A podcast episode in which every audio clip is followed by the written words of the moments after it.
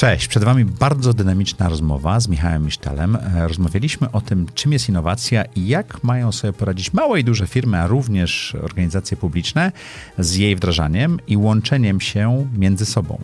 Jak mały startup może usprawnić działanie przedsiębiorstwa e, komunikacyjnego w mieście, jak duża firma może znaleźć e, startupy i nauczyłem się jednego niesamowitego, e, jednej niesamowitej myśli, chyba tak bym to nazwał, która jest na koniec tej rozmowy. Zapraszam Was bardzo serdecznie o startupach, o przedsiębiorczości, o innowacji i o tym, że postęp jest nieunikniony.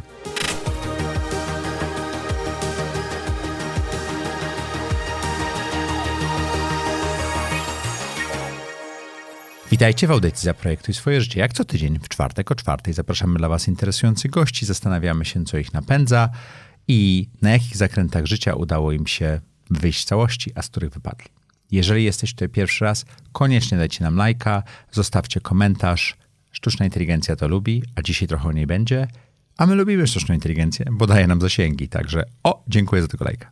Jeżeli prowadzisz firmę i zastanawiasz się, czy kiedyś chciałbyś ją sprzedać, to koniecznie zapraszam się już 29 lutego na konferencję Życie po Exicie w Warszawie. Sami praktycy, pigułki wiedzy, niesamowity networking. Możesz się dowiedzieć, czy warto sprzedać, komu warto sprzedać, jak to zrobić i co zrobić ze sobą i z całą tą kasą tuż po wyjściu z firmy. Zapraszam Cię na życiepoexicie.pl, oczywiście bez polskiego ży i mam nadzieję, że spotkamy się na konferencji i przybijemy piątkę. A dzisiejszym gościem jest Michał Misztal. Cześć, dzień dobry, witam Państwa. Startup Academy, to brzmi dumnie. Co to znaczy? Startup Academy to organizacja, która zajmuje się wdrażaniem innowacyjności. Pomagamy startupom ułożyć swoją ścieżkę od początku e, aż po e, dojście na rynek i efektywną sprzedaż. Pomagamy e, dużym firmom zbudować sobie strategię innowacyjności i ułożyć współpracę z tymi młodymi innowatorami, ale także pomagamy uczelniom, które chcą zmienić swoich naukowców w przedsiębiorców i dać im narzędzia do tego, aby osiągać tu swoje cele biznesowe oraz samorządom w tym, aby budować wzrost gospodarczy w regionach.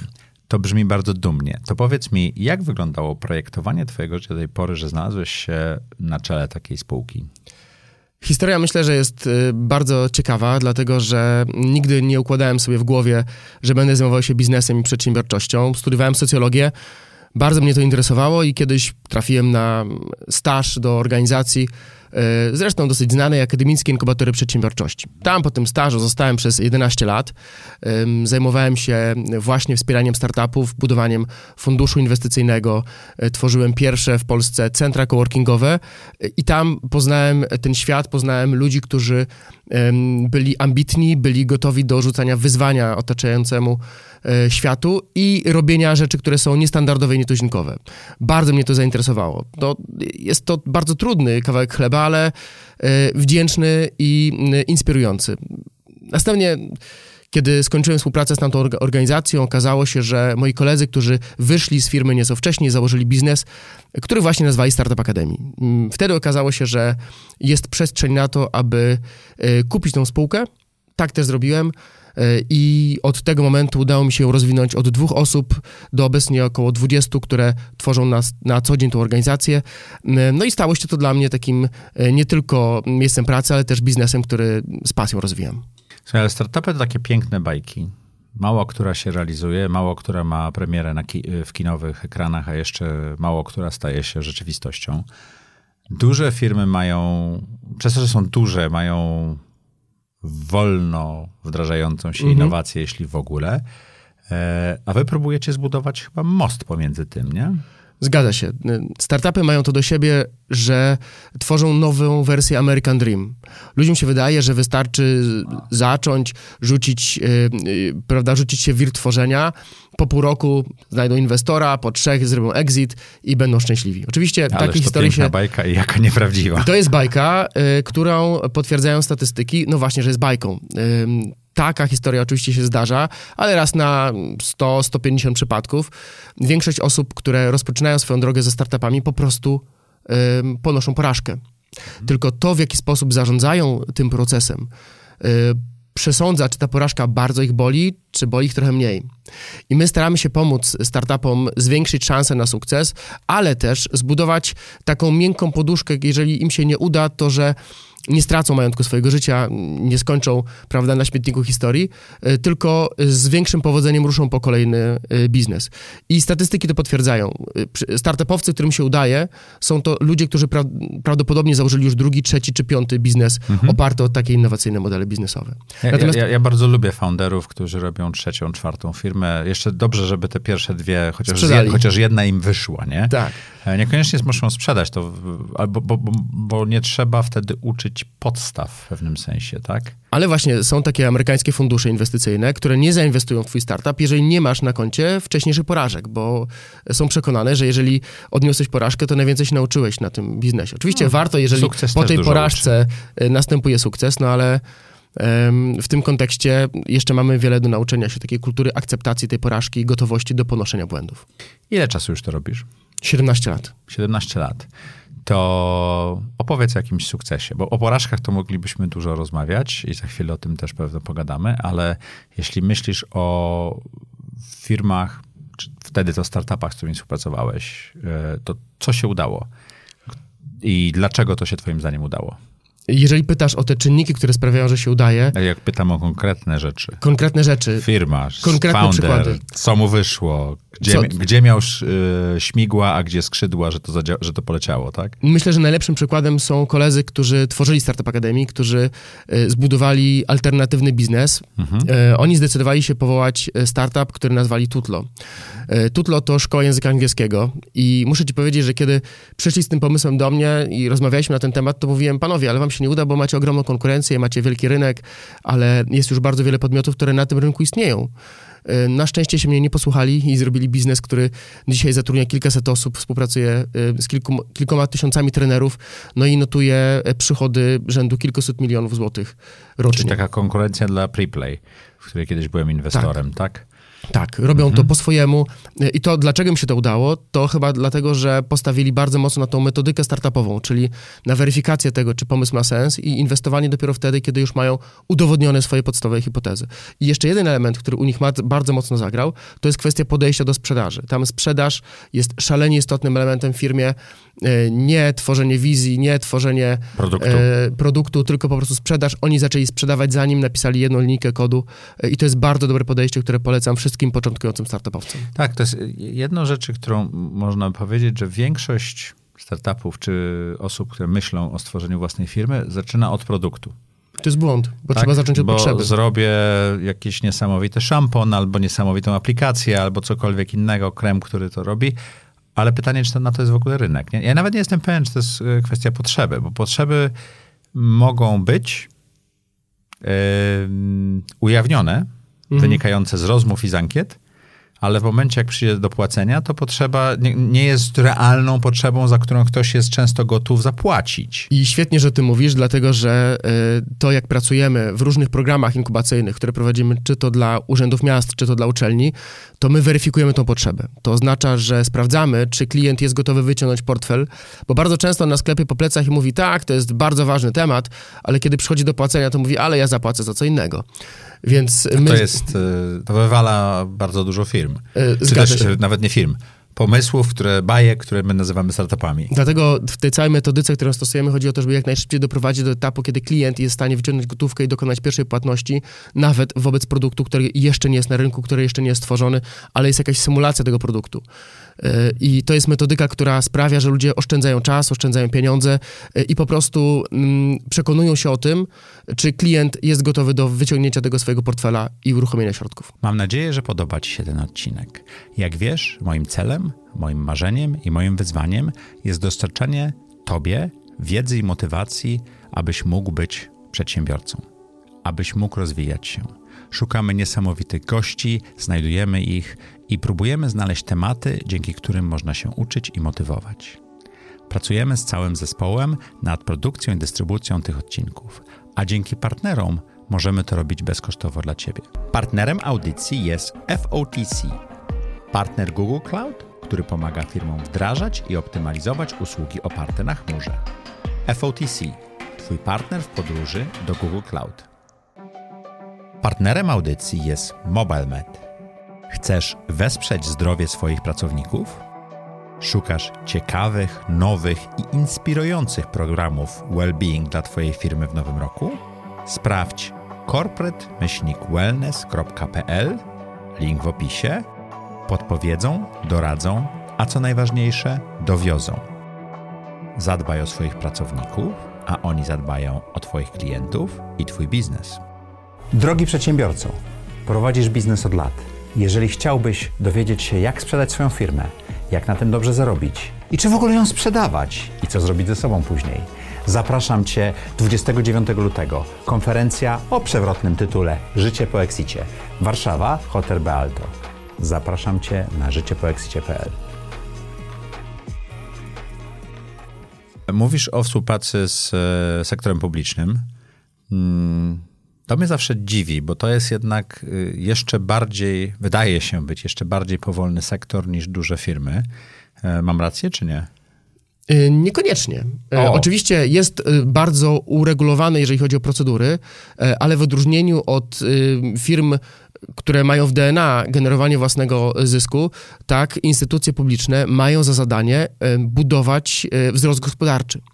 I budują, budują ten wzrost gospodarczy, organizując różnego rodzaju inicjatywy, które docierają zarówno do startupów, ale też do tradycyjnych przedsiębiorców. Ostatnio przykładowo zamknęliśmy projekt w e, Urzędzie e, Marszałkowskim Zachodniopomorskim, e, który e, zrealizował wsparcie przy naszej pomocy dla 200 przedsiębiorców, którzy mogli zrealizować doradztwo dotyczące funduszy unijnych, doradztwo dotyczące aspektów prawnych, ale mogli też zamówić stronę internetową, sklep internetowy, czy przeprowadzić audyt w firmie. I takie bezpośrednie wsparcie dla tych przedsiębiorców pomogło im e, już dzisiaj odnaleźć się bardziej realnie na rynku. Więc kiedy my mówimy o tym wsparciu, nie zawsze dotykamy bezpośrednio startupowców, ale dotykamy czasami tych Małych przedsiębiorców. małych przedsiębiorców, którzy, e, no, powiem brutalnie, często w odróżnieniu od startupowców naprawdę generują zyski, naprawdę generują przychody i po prostu płacą podatki. Dlatego urzędy miejskie, urzędy marszałkowskie są zainteresowane podejmowaniem inicjatyw, które w dłuższej perspektywie zwrócą się w podatkach. To oznacza bardzo ciekawą rzecz, że y, w sumie, gdybyśmy przestali mówić o startupach, no bo to są bajki, tylko zaczęli mówić o małych przedsiębiorstwach, czyli tych startupach, którym albo wyszło, albo po prostu od razu zostały założone jak firma i w pierwszym, czy drugim, czy trzecim miesiącu zaczynają zarabiać jakieś pieniądze, że nie muszą szukać inwestorów. Może wezmą inwestorów, żeby się szybciej rozwijać, ale nie żeby przetrwać. To w tym momencie jest w interesie sektora publicznego, żeby im pomagać, bo one tworzą miejsca zatrudnienia, bo one płacą podatki i tak dalej, i tak Tak. dalej, tak? Zdecydowanie. Zobacz, że e, startup bardzo często zajmuje się poszukiwaniem finansowania i te finansowanie raz się udaje, raz się nie udaje, raz się przekłada na efekty, raz się nie przekłada. Jeżeli jest firma tradycyjna, zwykła, która już dzisiaj ma klientów, już dzisiaj ma potrzeby, to organizowanie dla nich wsparcia i zmienianie ich podejścia, unowocześnianie ich jest świetnym narzędziem do tego, aby budować ten wzrost. Mieliśmy przyjemność pracować przy jednym z największych w Polsce takich programów wspierania innowacyjności w tradycyjnych firmach.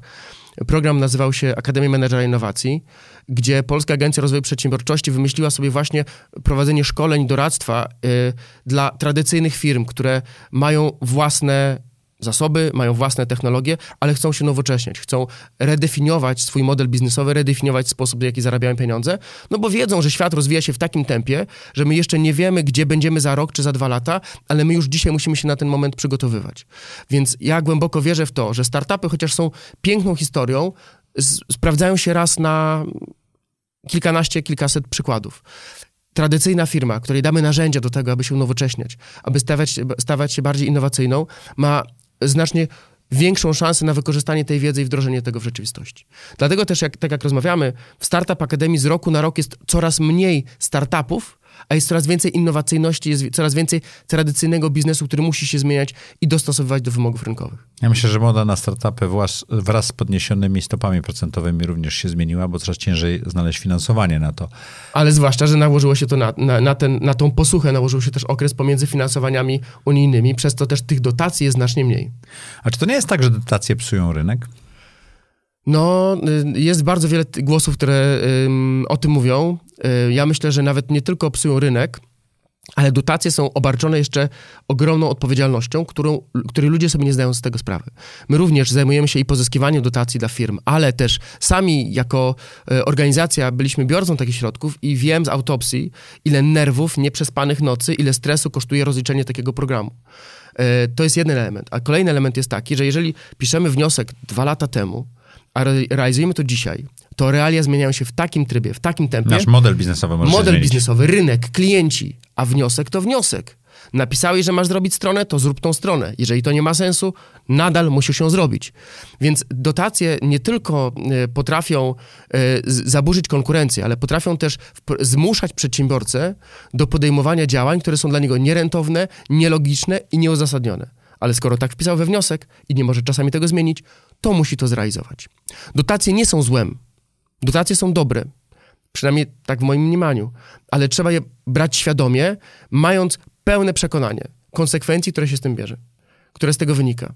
Dlatego sposób, w jaki w ogóle podchodzi się do tego rynku dotacyjnego, powinien wiązać się z nastawieniem na korzyść, ale długofalową korzyść biznesową w firmie, tak jak rozmawialiśmy wcześniej, która generuje realną wartość. Mhm. Branie dotacji dla dotacji to jest najkrótsza droga do tego, żeby musieć tą dotację zwracać z odsetkami. Ja też y, mam nieprzespane... A znasz takie, masz, znasz takie przykłady? Bardzo wiele, bardzo wiele przykładów Opowiesz firm. o kilku? E, tak, mogę opowiedzieć o kilku. Oczywiście nie chcę wspominać imienia i nazwiska, ale mogę powiedzieć o tym, co doprowadziło do tego. Było, były liczne programy, które e, w poprzedniej perspektywie finansowej e, dawały środki na przykład na e-usługi. To był projekt 8.1 czy 8.2. W ramach tych programów ludzie zdarzało się, że biorąc środki na innowacje, skupiali się na stworzeniu produktu, a nie na rozliczaniu. Po latach przychodzili kontrolerzy i na przykład byli w stanie zakwestionować wdrożenie jakiejś technologii albo to, czy projekt faktycznie wszedł na rynek. Ostatnio pracowaliśmy z jednym z projektów, który e, dostał 100% korekty finansowej, musi oddać milion złotych, dlatego że nie przeprowadził na czas certyfikacji medycznej, która nie była finansowana z tego projektu. Na w jednym z elementów wniosku wpisał, że projekt uzyska certyfikację. W międzyczasie zmieniły się uwarunkowania prawne, które sprawiały, że uzyskanie certyfikacji w tak krótkim czasie było niemożliwe. Jednak kontrolerzy byli nieprzejednani, pomimo różnych odwołań, które startup stosował, nadal nałożyli na niego karę miliona złotych plus odsetki. To są środki, które zostały już wydane, zainwestowane. Projekt Czyli powstał. Firmy nie ma. Firma tak naprawdę jeszcze walczy. Firma walczy, ma inwestorów, więc inwestorzy stoją za nimi e, murem, e, ale no, sytuacja jest szalenie trudna, bo e, w kontekście dotacyjnym czasami nie chodzi o efektywność. Nie chodzi o to, czy my zrealizujemy nasze cele biznesowe. Chodzi o to, czy papier się zgadza. I ja sam, biorąc dotację, wielokrotnie miałem wstrzymane środki, bo na przykład nie zgadzał mi się jeden grosz na fakturze od dostawcy. A dlaczego się nie zgadzał? Bo jego system księgowy zaokrąglał złotówki w inny sposób niż mój i niż pani w urzędzie, która to zrobiła w Excelu.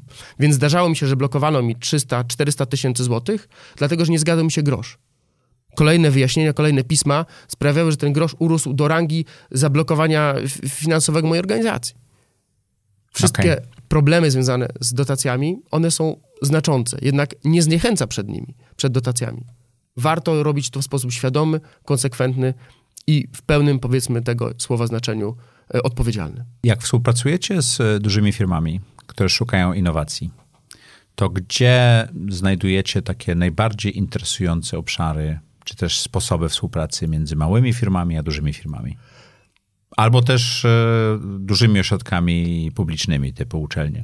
Myślę, że to jest w ogóle bardzo ciekawy temat, dlatego że te większe firmy, one są bardziej realne niż startupy, ale są też trochę bardziej ociężałe, podejmują decyzje wolniej. E, w tych większych firmach sam pracowałeś, więc wiesz, są często różne ośrodki e, interesu. Jeden interes jeden innowator może zaburzać interes innego ośrodka. Dlatego, żeby dobrze ułożyć ten proces współpracy, trzeba zrozumieć e, zarówno kontekst tego małego, sprytnego, zwinnego innowatora, jak i proces decyzyjny w dużej firmie. Więc kiedy pracujemy z takimi dużymi podmiotami, po pierwsze zachęcamy ich do tego, żeby sami byli innowacyjni, wdrażając różnego rodzaju narzędzia, tak jak intrapreneurship, czyli wewnętrzną przedsiębiorczość, gdzie to pracownicy sami mają wypracowany proces zgłaszania i realizowania wewnętrznych innowacji w firmie. To jest jeden z elementów tej kultury organizacyjnej, która jest fundamentem. Ale żeby e, wykorzystać potencjał tych zewnętrznych innowatorów, budujemy programy akceleracyjne e, i programy pilotażowe, które najpierw pozwalają na wytyczenie strategii i kierunków rozwoju poszukiwań technologii, następnie mapują rynek, gdzie jest jakiś startup, który startup jest wiarygodny, a następnie wchodzimy jako trochę taki podmiot, który opiniuje i rekomenduje startupy do podjęcia współpracy. A czemu duże organizacje nie mogą tego zrobić same? Mogą, ale są często w tym nieefektywne. Bo? Dlatego, że często proces decyzyjny, tak jak powiedziałem, zaburza już czyjeś interes, istniejące interesy, to po pierwsze. Po drugie, startup często dostarczy to samo taniej niż duża firma, jest, em, ba, patrzy szerzej i nie jest objęty ograniczeniami wynikającymi z tego, że skoro pracuje już 10 lat w tej firmie, firma zajmuje się produktem X, to właśnie musimy myśleć o naszym biznesie w kontekście X. Startup myśli inaczej. On kwestionuje status quo, on rzuca inny sposób osiągnięcia tego samego celu, który chce firma. I też powstało bardzo wiele programów, część z nich my również mieliśmy okazję jako Startup Academy prowadzić, które zbliżały i doprowadzały do wdrożenia technologii powstającej w mniejszej jednostce albo przy uczelni, no właśnie do tego dużego operatora. Dużej firmy, która ma szansę dać im kanały dystrybucyjne, dać im napęd, dać im paliwo do tego, żeby e, na tym pierwszym czasami wdrożeniu zyskać wiarygodność u innych y, podmiotów, które również mogą zbudować z nimi model. Czy udało wam się zrobić takie wdrożenie e, między małą firmą a dużą, tak żeby to zadziałało? Tak, udało się takie rzeczy zrobić. Na przykład jedna z firm ubezpieczeniowych wdrożyła rozwiązanie blockchainowe do weryfikacji podpisów i do weryfikacji pełnomocnictw. Y, I co to dało? Co to dało? Oszczędność, e, oszczędność czasu, oszczędność pracy, zredukowanie kosztów operacyjnych. Kolejnym case'em jest wdrożenie przez e, naszego partnera, e, również firmę ubezpieczeniową, nowego produktu, e, który wiązał się z wygenerowaniem e, oferty dla studentów i to dotyczyło właśnie produktu e, opieki zdrowotnej. Czasami innowacje nie muszą wiązać się tylko i wyłącznie z nową technologią, ale z nowym e, myśleniem i z nowym modelem biznesowym. Mówiłeś o tym, że to nie zawsze musi być technologia, ale czy robiliście coś wokół technologii, e, gdzie mała firma miała lepszą technologię niż duża? Y, Tak, y, nawet nie jest tylko kwestia lepszą, ale też technologię, która w ogóle nie była do tej pory mapowana przez y, partnerów, odbiorców technologii. Y, Taki świetny przykład możemy zobrazować za pomocą startupu Magli, który po programie, który organizowaliśmy, wdrożył swoją technologię dla hotelu, zamku Ryn i teraz zdobywa kolejne zamki. Fajny zamek. Bardzo fajny zamek i też bardzo klimatyczny. Czym się zajmuje Magli? Magli to startup, który przenosi rozrywkę na korytarze hotelowe, tworząc technologię magicznej różdżki, za pomocą której dziecko, które biega po hotelu, może otwierać pokoje, otwierać komnaty, może generować różnego rodzaju interakcje, y, dostarczając po pierwsze dodatkowej atrakcji dla hotelu, ale po drugie komercjalizując te części przestrzeni, które do tej pory nie były wykorzystywane przez ten hotel do celów zarobkowych. Y, Jeżeli pytałeś o technologię, y, pracujemy ze startupem, który y, jest obecnie na fazie testowania swojego rozwiązania u dużych odbiorców, którzy mają na celu wykorzystanie ich do obniżenia kosztów y, związanych z chłodzeniem. Chłodzenie to ogromny problem natury ogólnoświatowej, konsumuje ogrom energii, a zespół Dynamic Air Cooling tworzy rozwiązania, które mają na celu całkowicie inne wykorzystanie procesów fizycznych do chłodzenia, dzięki czemu ograniczają e, zużycie energii o połowę. Inny startup, który e, obecnie wdraża swoje rozwiązania nawet nie tylko do, do korporacji, ale do szpitali, to Medap. Ostatnio odbył się bardzo ciekawy konkurs startupowy, który również mieliśmy okazję prowadzi proces oceny i scoutingu startupów e, i tam Medap w poprzedniej edycji wygrał możliwość wdrożenia swojej technologii do szpitali, które organizowały ten konkurs. I dzisiaj może się już pochwalić e, setkami przeprowadzonych e, pilotaży e, i tych A wdrożeń? wdrożeń również. Oni są obecni, wiesz, na, pilot- na, ja sal, w są obecni na sali dla- operacyjnej, gdzie chirurg za pomocą wirtualnej i rozszerzonej rzeczywistości jest w stanie lepiej zobrazować sobie To, co stan, stan chorego, dokładnie. E, I te technologie, zwłaszcza co ciekawe w tej branży medycznej, one bardzo szybko mm, rosną, chociaż ta droga wejścia na ten rynek jest bardzo trudna. Jest dużo trudniejsze. A propos dróg wejścia, to chciałem z tobą porozmawiać o dwóch rzeczach, o których ja chyba trochę wiem, ale ty, wydaje mi się, że ty wiesz więcej. Pracuję w dużej organizacji, chcę wdrożyć innowacje w niej. Jak się do tego zabrać? Z tego, co ja rozumiem, to to, co wy robicie, to wy jesteście takim takim mostem pomiędzy dużymi firmami, a małymi firmami, startupami, a korporacjami i tak dalej, czy też instytucjami państwowymi. Ja jako średniej rangi czy wysokiej rangi pracownik e, w dużej firmie chciałbym takie programy wesprzeć i, i doprowadzić do tego, żeby pewne rozwiązania wchodziły do naszej firmy. Jak się tego zabrać?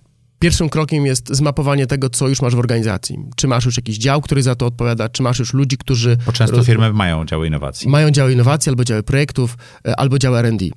E, I teraz w zależności od tego, jaką masz kulturę organizacyjną, czy ludzie są otwarci, czy są nieotwarci, ile masz zasobów do tego, możesz podjąć decyzję albo organizować swoje własne programy, albo dołączyć do już organizowanych projektów na rynku.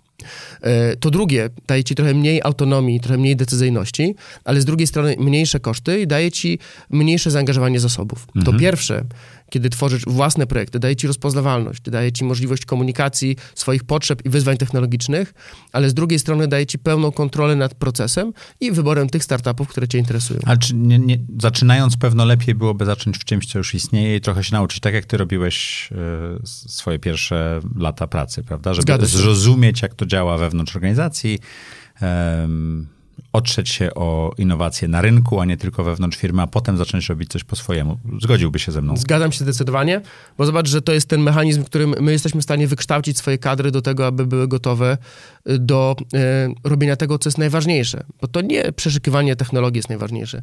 Najważniejsze jest to, żeby zrobić pilotaż, żeby sprawdzić, czy ta technologia ma zastosowanie w naszej firmie, ale też ocenić, czy startup mówi prawdę. Bo często o, startupy często opowiadają ważne. pięknie, mają wspaniałe pitche, wspaniałe prezentacje, Bajki to jest domena startupów. I teraz, jeżeli my to zweryfikujemy za pomocą tego pilotażu, to będziemy w stanie odsiać tych, którzy tylko pięknie mówią, od tych, którzy też pięknie potrafią tą technologię tworzyć. Niekoniecznie I są, pięknie, ale i skutecznie. Są gotowi do, do tego procesu wdrożeniowego. Mhm. My ten proces wspieramy, wdrażamy, yy, staramy się pomóc, aby osiągnąć realne korzyści dla firmy. Czyli... No bo te innowacje, jeszcze tylko skończę ten wątek, one nie mogą być sensem w samym w sobie, ale one muszą przekładać się na efekt. Jaki jest efekt? Większa sprzedaż, nowe produkty, niższe koszty operacyjne, lepsze, lepsza gotowość do zmieniającego się świata. Czyli Michał, w pewnym sensie ty i twój zespół, przez to, że widzieliście tak dużo projektów, tak dużo organizacji, tak dużo startupów, wnosicie wartość, bo macie taki dobry bullshit detektor na e, te wszystkie prezentacje, te wszystkie pitch decki i te wszystkie super rozwiązania. Czy to jest e, dobrze sformułowana myśl? Myślę, że tak. A wiesz skąd on się bierze? Między innymi z tego, że czasami startupowcy aplikują pięć razy do różnych projektów i my już ich słuchaliśmy wcześniej, my już ich widzieliśmy. I my na przykład wiemy, że ok, trzy lata temu robił pitch i dzisiaj, trzy lata później robi dokładnie to samo. Więc jeżeli to miałoby naprawdę ręce i nogi, to przez te trzy lata on byłby już w zupełnie innym miejscu. Jeżeli przez trzy lata piczuje to samo, to znaczy, że gdzieś nie ma tej realnej wartości, za którą ludzie są gotowi zapłacić. Jeśli chcesz dotrzeć do przedsiębiorców, ludzi takich jak ty, zareklamować się w audycji Zaprojektuj swoje życie, napisz na adres partner. Zapraszam do współpracy. Prowadzę małą firmę, prowadzę startup i chcę uderzyć do dużej organizacji. Publicznej, prywatnej, korporacji, to nie ma znaczenia, dużej organizacji. Co mam zrobić, żeby to zadziałało? Przede wszystkim musisz poznać osoby, które są decydujące w kontekście e, procesów.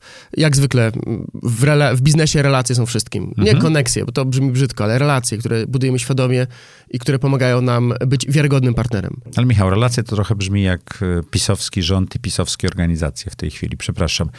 Czy relacje wystarczą? Relacje nie wystarczą, oczywiście. Relacje to, są zrobić, podstawą do tego, żeby, żeby móc, wejść. móc rozmawiać i żeby wejść. A kolejnym, potem? kolejnym krokiem jest udowodnienie słuszności tego, że możesz pomóc rozwiązać realny problem dla tej organizacji. Co to znaczy udowodnienie słuszności? Yy, Daj to, mi jakiś przykład. To oznacza, że jeżeli udało nam się zrobić pilotażowe wdrożenie, jeżeli zebraliśmy liczby, które y, przekonują i które y, udowadniają słuszność naszych założeń, jesteśmy w stanie z tymi liczbami iść dalej i podbijać kolejnych klientów. Akademicko mamy business case, żeby pokazać. Taki tak? business case, który mówi o konkretnych oszczędnościach, konkretnych um, zyskach, konkretnych nowych przychodach, tak jak to wdrożyliśmy już pilotażowo w organizacji innej. Daj mi jakiś przykład tego, co zadziałało. Um, świetnym przykładem takiej dobrej współpracy z obszarem administracji takiej publicznej, a można powiedzieć nawet samorządowej jest startup Viva Drive, e, który pomaga instytucjom publicznym zarządzać flotami samochodów e, czy elektryfikować swoje floty aut.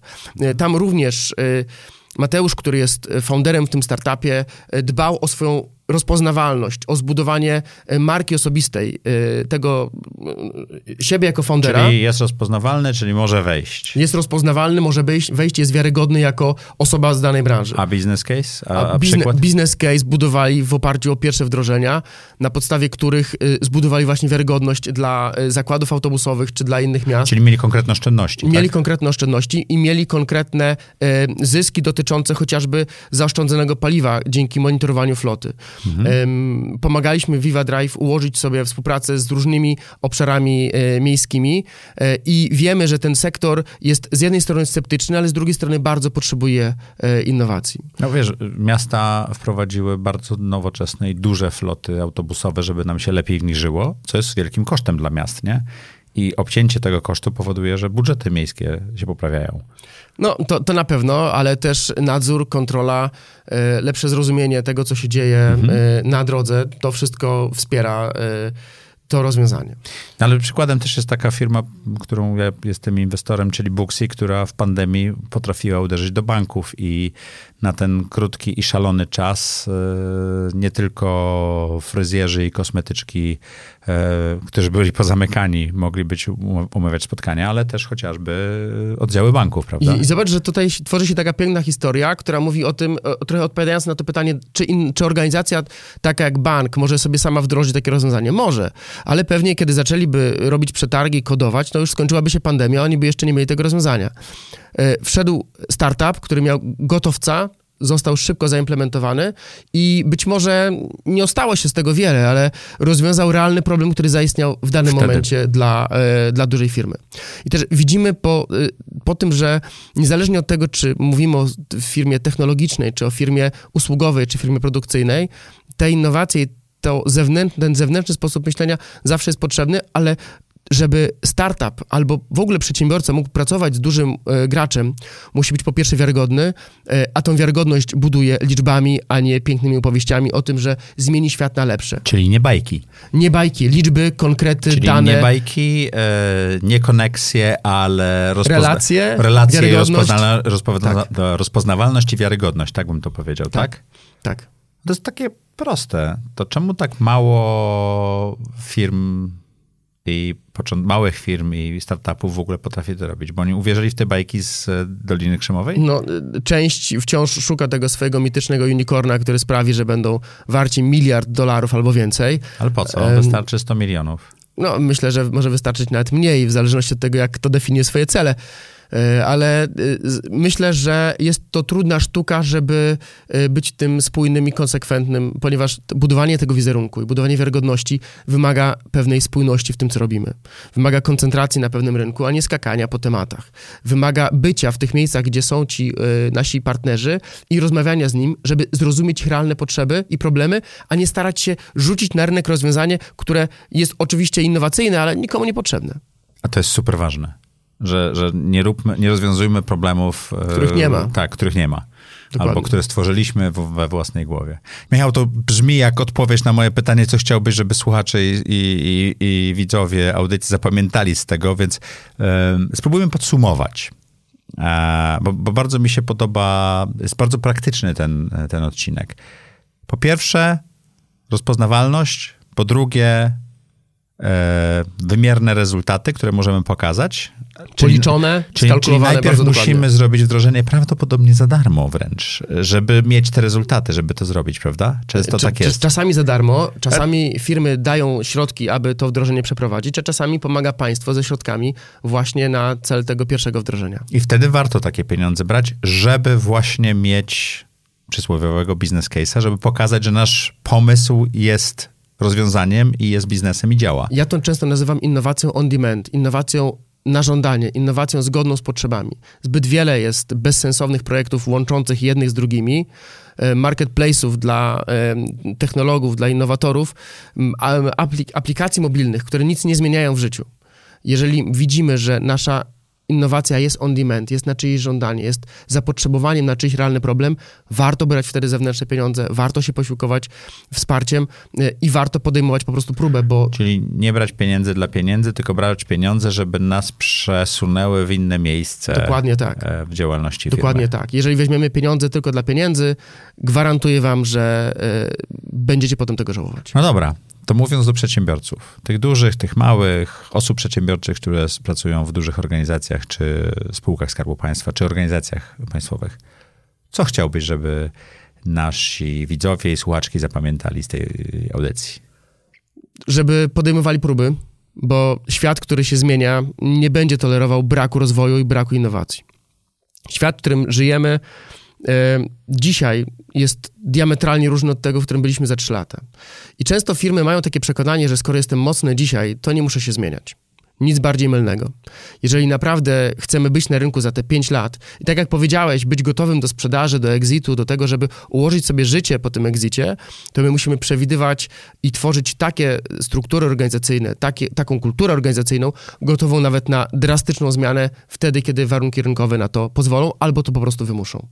Więc nie bójmy się być innowacyjnym, za tym z tym będą się wiązały błędy i porażki, ale jeżeli zastosujemy odpowiednie mechanizmy działania, te błędy nie będą nas kosztowały tak dużo. Natomiast fundamentalnym błędem jest brak zmiany i brak proinnowacyjności w firmie.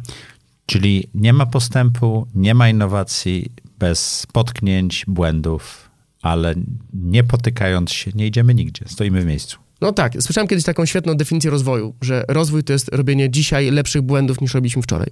O, Piękne. I myślę sobie, że przedsiębiorcy też muszą się z tym pogodzić. Ja też prowadząc firmę wiem, jak dużo błędów popełniam każdego dnia. Błędne decyzje, błędne powiedzmy e, jakieś działania sprzedażowe, nieudane procesy. E, czasami zaufamy startupowi, który po prostu się nie powiedzie. Czasami tracę środki na to, co jest nietrafioną inwestycją też marketingową. Mhm. Ale jeżeli my będziemy bać się cały czas tego, jeżeli będziemy myśleć o tym, że o Boże, zaraz popełnię kolejny błąd, no to cały czas będziemy stać w miejscu, nie zrobimy tego progresu. A jeżeli... kto stoi w miejscu, ten się cofa. Tak? Dokładnie tak. Nie bójmy się tego, idźmy do przodu. Słuchaj, to mi się to bardzo bardzo podoba. Zakończmy to tak.